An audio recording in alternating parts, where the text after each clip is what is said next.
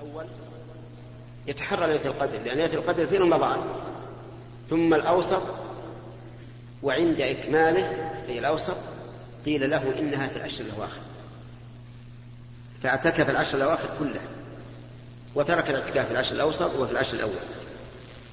ولم يعتكف في غير رمضان أبدا إلا سنة واحدة تأخر عن الاعتكاف في رمضان بسبب ثم قضاه في شوال. ففهمنا الآن أن الاعتكاف مشروع متى؟ في العشر الأواخر من رمضان فقط. وليس مشروعا كل وقت. وبه عرفنا خطأ بعض قول خطأ قول بعض الفقهاء إنه ينبغي للإنسان إذا جاء إلى المسجد أن ينوي الاعتكاف مدة لبثه في المسجد. فإن هذا القول لا أساس له من الصحة بل لو شئنا لقلنا إنه بدعة. والدليل؟ الدليل من الرسول عليه الصلاة والسلام لم يعتكف قط إلا في العشر الأواخر من رمضان. ولما التزم بعض الصحابة أن لا يتزوج وأن يقوم ولا والثاني قال أنا أقوم ولا أنام والثالث قال أنا أصوم ولا أفطر أخبرهم النبي عليه الصلاة والسلام بأنه يصوم ويفطر ويقوم وينام ويتزوج النساء وأن من رغب عن سنته فليس منه. فمن رغب عن سنة الرسول واعتكف في غير رمضان قلنا إنك مبتدع. الزم سنة الرسول. لو كان خيرا لكان الرسول أول من يفعل. أفهمتم؟ ثم إن الرسول عليه الصلاة والسلام في يوم الجمعة حث على التقدم. قال من راح في الساعة الأولى فله كأنما قرب بدنه وذكر بقية الحديث. هل قال لمن تقدم يوم الجمعة انوي الاعتكاف لتحصل على فائدتين على التقدم إلى المسجد والإعتكاف أبدا ما قال. وهل تظنون أن الرسول عليه الصلاة والسلام يعلم أن نية الإعتكاف مما يقرب إلى الله في هذه الحال ولم يبلغها؟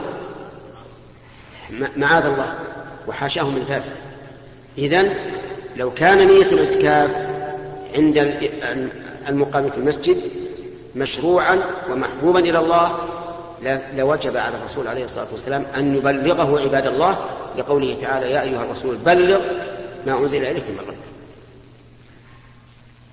ولهذا نقول لمن قال إذا دخلت المسجد فنوي الاعتكاف نقول هات برهانك أين الدليل على هذا؟ بل الدليل على خلافه هذا كلام يعني مختصر على القيام الصيام والقيام والاعتكاف نسأل الله تعالى أن يجعلنا وإياكم ممن يصوم رمضان ويقوم إيمانه واحتسابه وأن يهيئ لنا من أمر راشدا إنه على كل شيء قدير. أما الأسبوع القادم إن شاء الله فسيكون الكلام فيه عن الزكاة ما تجب فيه ومقدارها ومصارفها. نسأل الله أن يوفقنا وإياكم لما يحب ويرضى. أما الآن فإلى الأسئلة ونبدأ بمن ليسوا من, من أهل البلد لأن أهل البلد أهل, أهل بيت والقادمون ضيوف. الشيخ هناك سؤال يعني المرأة تسأل حاملة الطفل الطفل هذا عليه نجاسة حفاظ معروف. هل ما حكم صلاتها؟ ولكن تأكد أن فيه نجاسة؟ هي تأكد. ما يجوز تحمل. لأنه كان يصيح وشالت. إيه ما يجوز. لكن إذا كانت جاهلة لا تدري أنه حرام ما عليها شيء.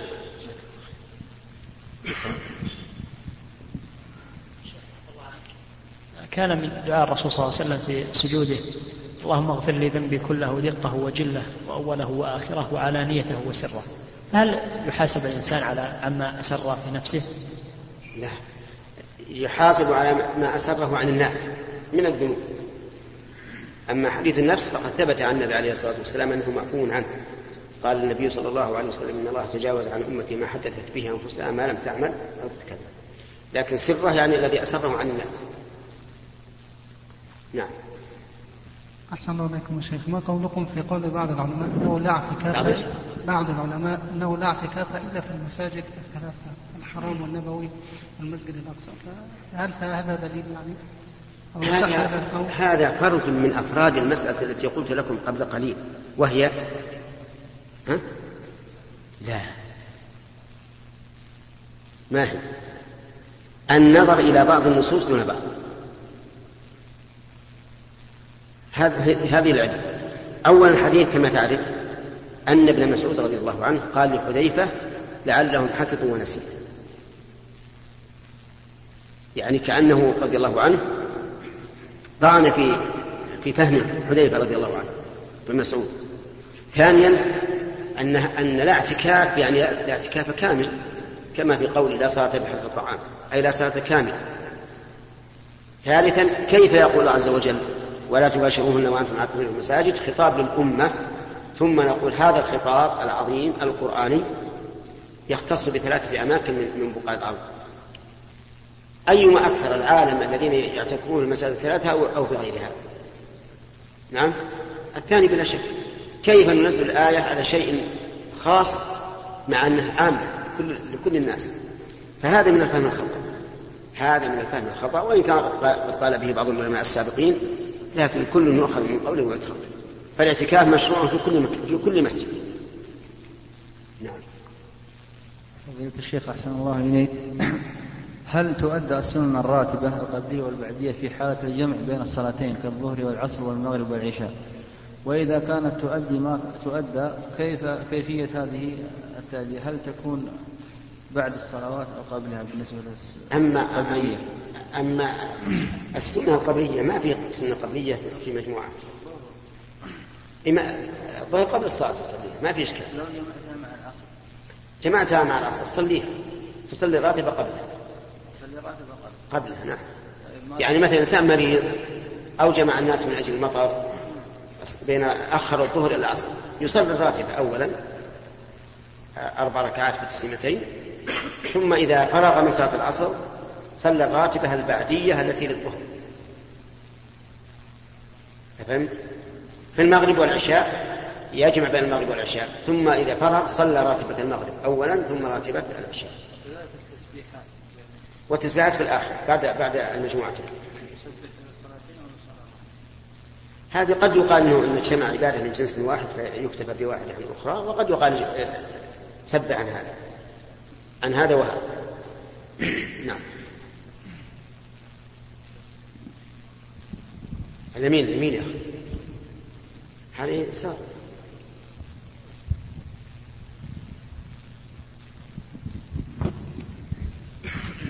لا ما تسأل إذا جل إذا خلص اليمين. من النصف. من هنا يمين ومن النصف من هنا يسار. طيب إذا كنتم فعلا عفى الله عنك. إذا كان إنسان لديه بيت. إيش؟ لديه منزل. بيت. أعطي من قبل عمله. وهذا البيت مؤجر على شركة. والشركة تؤجر أحيانا مسلم وأحيانا كافر فهل يجوز أن يأخذ الأجار؟ أي نعم. علما أن هذا البيت الآن الموجود فيه كافر لكن هل إن الدولة أعطته البيت؟ هل أعطته إياه ليسكنه؟ ملك. نعم. ملك. نعم. ما في يعني ما في مانع أن يأجر الشركة حتى إذا كان تؤجر كافر. معلوم لأن الكافر هذا لابد أن يكون هنا. بحسب عمله. نعم. طيب. نعم.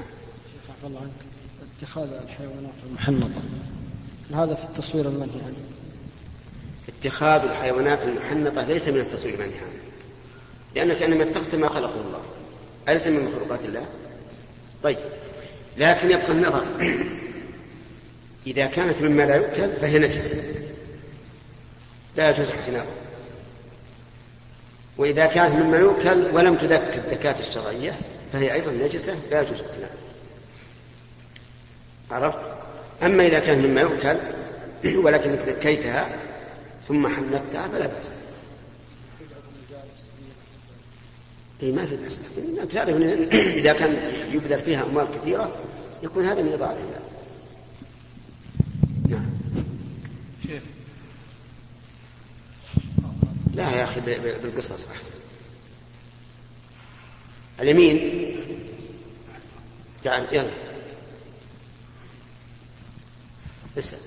الشيخ حفظك الله اختلط في أسواقنا في الكويت الدجاج المذبوح وفق الطريقة الإسلامية وغيره فهل يشرع لمن حل ضيفا أو زار مطعما أن يسأل عن نوعية الدجاج وطريقة ذبحه؟ علما بأن غير الشرعي هو الغالب أن إيش؟ أن غير الشرعي هو الغالب أولا بارك الله فيك ما الذي أدراك أن غير الشرعي هو الغالب؟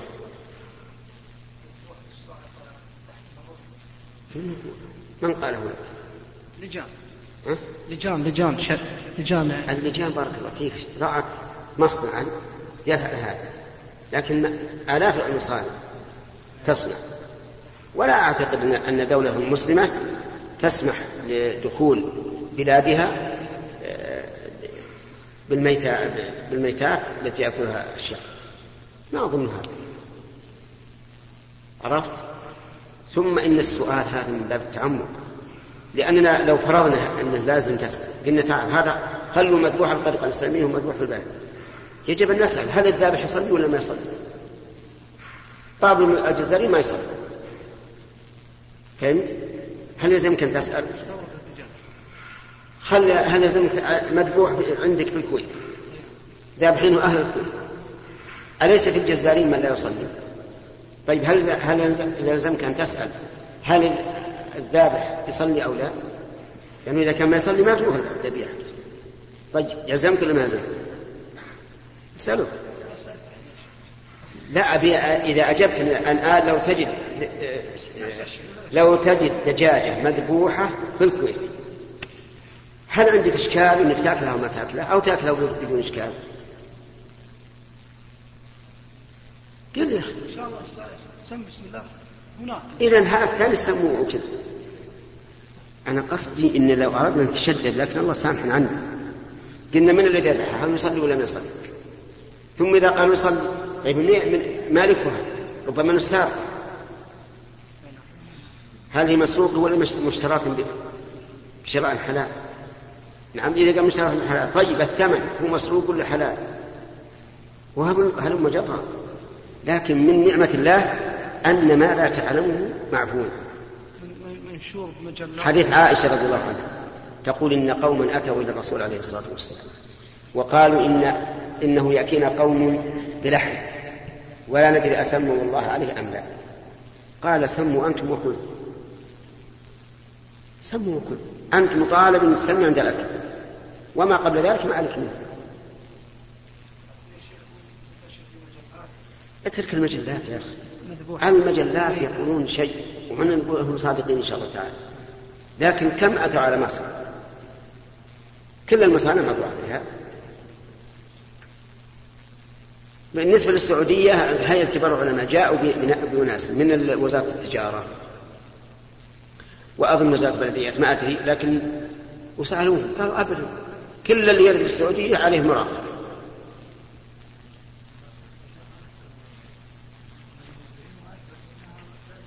أبدا ما نقبل أي شهادة إلا قال هذا الكتون وهذه الدجاج السبع والثمانية فيه أشهد أنه مذبوح على غير الطريقة الإسلامية عرفت ولا لا؟ هذه واحد.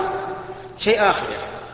بعض العلماء الأقدمين مو بالمتأخرين العصريين اللي يتساءلون في الأمور يقولون إن ما اعتقده أهل الكتاب طعاما مذكى فهو حلال وإن ذكه بالخمر لأن الله قال وطعام الذين أوتوا الكتاب فما اعتقدوه طعاما فهو حلال لنا. لأنه أضاف الطعام إلى جهة مخصوصة. فما اعتقده طعاما فهو طعام حلال لنا. أفهمت؟ يعني على رأي هؤلاء؟ ما حاجة. خلهم أهل الكتاب يذبحونه على خنق أو على أي صفة أرادوا. ما دام قال طعام الذين أوتوا الكتاب وهم يعتقدونه طعاما حلالا فهو حلال لنا أنا قلت لك هذا من أجل تخفيف الوطأ على على قلبك. لست مقرا لهذا أنا ما أقرها. نقول اللي يذبح بغير ما أنهر الدم وذكر اسم الله عليه فهو حرام. لكن قصدي أن تخفف الوطأ على أنفسهم فأولا لا ندري هل هذا مما مما سرق أو لا. لأنه يأتينا الرؤوس المقطعة. ثم إذا علمنا أن هذه بعينها ذبحت على غير وجه الشرع أو قتلت على غير وجه الشرع نقول بعض العلماء يقول إن ما اعتقده أهل الكتاب طعاما فهو حلال. حتى وإن ذبحوه على على غير الطريقة الإسلامية. والخلاف هذا مشهور في كتب الأقدمين مو المعاصرين. أي نعم. المهم سم الله وكل قل بسم الله وكل ولا تقول يا فلان هل هذا مما ذبح هنا أو مما ذبح هناك لا تسأل هل المطلقة ثلاث وهي حامل لها أجر مصاريف مراجعة المستشفى وشراء الأدوية وبعد الولادة هل تستحق حقا آخر حق غير حق الرضاعة مثل أجر السكن للمولود. المطلقة آخر ثلاثة طلقات هذه ليس ليس على زوجها نفقة. لها هي. لكن الحمل. ينفق عليها من أجل الحمل. وعلى هذا فمحتاجة إلى الإنفاق عليه على الحمل فيجب على زوجها. بعد الوضع يكون الإنفاق على الحمل خاص يعني أجرة الرضاع عليه. وطبعا ثياب الصبي وما أشبه ذلك كلها. لكن طعام الأم بعد الوضع ليس عليه قال الله تعالى وإن كن أولاة حمل إيش؟ فأنفقوا عليهن حتى يضعن حمل. بالنسبة يا شيخ إذا دخل شخص على أناس وهم جلوس و و يعني سلم عليهم هل هل يستحب أو يسله أو يصافحهم؟ والله لا أعلم لا أعلم السنة واقعة في هذا. السنة فيما أعلم أن الإنسان إذا دخل سلم وجلس حيث ينتهي به المجلس. يعني ما يصافح ما يصافح وأنا بحثت مع ناس كثيرين قالوا ما نعلم فيها سنة. وطلبت من بعض الشباب أن يبحثها وينظر هل ورد عن الرسول هذا أم لا. فلم يجد شيئا. وأنا الآن أقول لكم من وجد شيئا فليتحفنا به. لأننا إلى الآن نعتقد أن الرسول صلى الله عليه وسلم إذا دخل جلس حيث ينتهي به المجلس ولم يرد حرف صحيح ولا ضعيف فيما أعلم أنه يمر على الجالسين يصلي.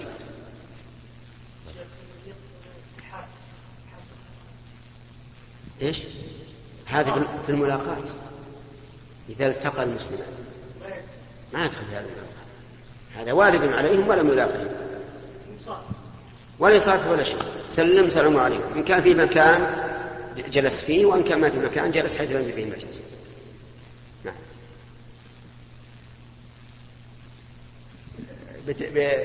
بالقصص بالترتيب. ما يخالف. لا في واحد. تفضل. فضيلة الشيخ. سماحة الشيخ عبد العزيز بن باز حفظه الله بأن تقويم القرى في أذان الفجر مطابقا تماما لطلوع الفجر. هذا في الرياض فهل ينطبق في جميع مدن المملكة؟ والله ما أدري لو تسألونه. اسألوه لأنه ولا البيان. اسألوه. والمسألة بسيطة يعني. الفرق على ما نرى خمس دقائق فقط. وإذا تأخر الإنسان خمس دقائق ما هو وإن قال من, من تولى قارها فليتولى حارها وبذمته وهي أهم شيء الصلاة في مسألة الفجر. ولا مسألة الصيام لو تقدم خمس دقائق ما هو ضار. تأخر يا شيخ. نعم؟ إذا تأخر عن التقويم خمس دقائق في الصيام. في لا أقول يعني إذا قلنا أن التقويم صحيح. نعم. وأمسك على التقويم. وقلنا أن الصواب أنه في خمس دقائق متقدمة. ما يضر. الشيء المهم هو الصلاة. والصلاة يتأخر الإنسان خمس دقائق احتياطا ولا يضر. المشكلة التأخر في الصيام في الإمساك عن التقويم. يتأخرون عشر دقائق المؤذنون الآن. أو ربع ساعة. أو شيء صدر من مفتي المملكة ما نبغى ما نبغى ولا ولا نقول في في مخالفة شيء لكن نقول بالنسبة للصلاة خاصة يحتاط الإنسان. خمس دقائق يتأخر طيب ما في شيء. نعم. عندي إشكال في الاستدلال وهو حفظ حفظنا منك وحفظتنا جزاك الله خير. القاعدة الفقهية المشهورة أنه إذا جاء النص عاما أو اللفظ عاما ثم فرع ببعض أفراده فهل يطلق هل يحمل هذا اللفظ ويخصص بهذا الفرد؟ أم أنه يؤخذ بالعموم ويجعل هذا الفرد كمثال؟ اخترت أنت الشيخ الثاني بس كذلك. هذا إذا وافق. إذا وافق إذا وافق حكم العام. نعم. لكن في حديث الشيخ إذا استيقظ أحدكم من نومه فلا يغمس يده في الإناء حتى يغسلها ثلاثا فإنه لا يدري أحدكم أين باتت يده. نعم. اعتبرت بهذا القيد أين باتت يده وخصصته في نوم الليل. نعم. مع أن اللفظ استيقظ عام. بارك الله فيك. جيد هذا. هذا سؤال جيد وقد يكون فيه إشكال. نسأل الآن هل الصحابة رضي الله عنهم أكثر نومهم في الليل ولا في النهار؟ كلا يبدو كلا يبدو لكن أين أكثر ما أقول أنهم ينامون بالنهار وينامون بالليل أكثر الليل. أكثر الليل. فإذا كان هذا التعليل موافقا للأكثر حمل عليه. يعني هنا فيه قرينة وإلا كلامك صحيح وينطبق على القاعدة لكن فيه آه، قرينة. القرينة هي الكثرة القرينة هي معلومة تخصص لكن مثال الصحيح مثلا قول جابر رضي الله عنه قضى النبي صلى الله عليه وسلم بالشفعة في كل ما لم يقسم فإذا وقعت الحدود وصدفت الطرق فلا شفعة. عندنا لفظ عام ولفظ خاص. في كل ما لم يقسم هذا عام. يعم حتى السيارة إذا باع شريكك لك شف فإذا وقعت الحدود وصدفت الطرق هذا خاص بإيش؟ بالأرض. هي اللي فيها الحدود والطرق. فهل نقول إن الشفعة لا تكون إلا في أرض؟ في في الشركة في أرض؟ أم في كل شيء؟ هذا مما ينبني على القاعدة. بارك الله فيك. و نعم. انتهى. الأخ موسى صاحب التسجيل يقول أن الوقت انتهى وأخشى يصك علينا التسجيل الحين واحد إن شاء الله إلى إلى الأسبوع القادم. نعم. الشفعة بارك الله فيك. إلى القضاء. ما نقدر نفتي فيها إلا مثلا مية يثبت الدرس.